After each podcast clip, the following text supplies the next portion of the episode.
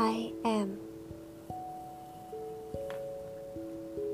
He said, Loving me was like seeing the ocean for the first time, watching the waves crash senselessly against the rocks, over and over, grabbing fistful of sand as it trickled through his fingers like my hair, brittle as ebony, strong and taut like the bumps of his knuckles.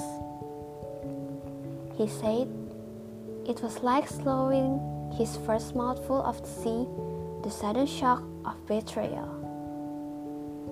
He said, Loving me was like panning for gold, sifting through arsenic, waist deep in toil, lured by the shimmer and promise of transcendence, like the river between my lips, a floodgate that opens for him only when I choose.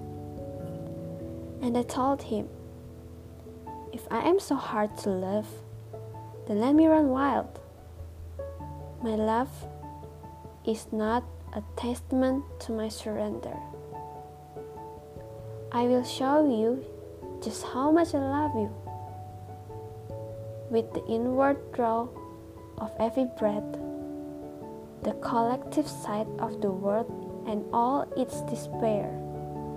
But I will never give you what you want in chains.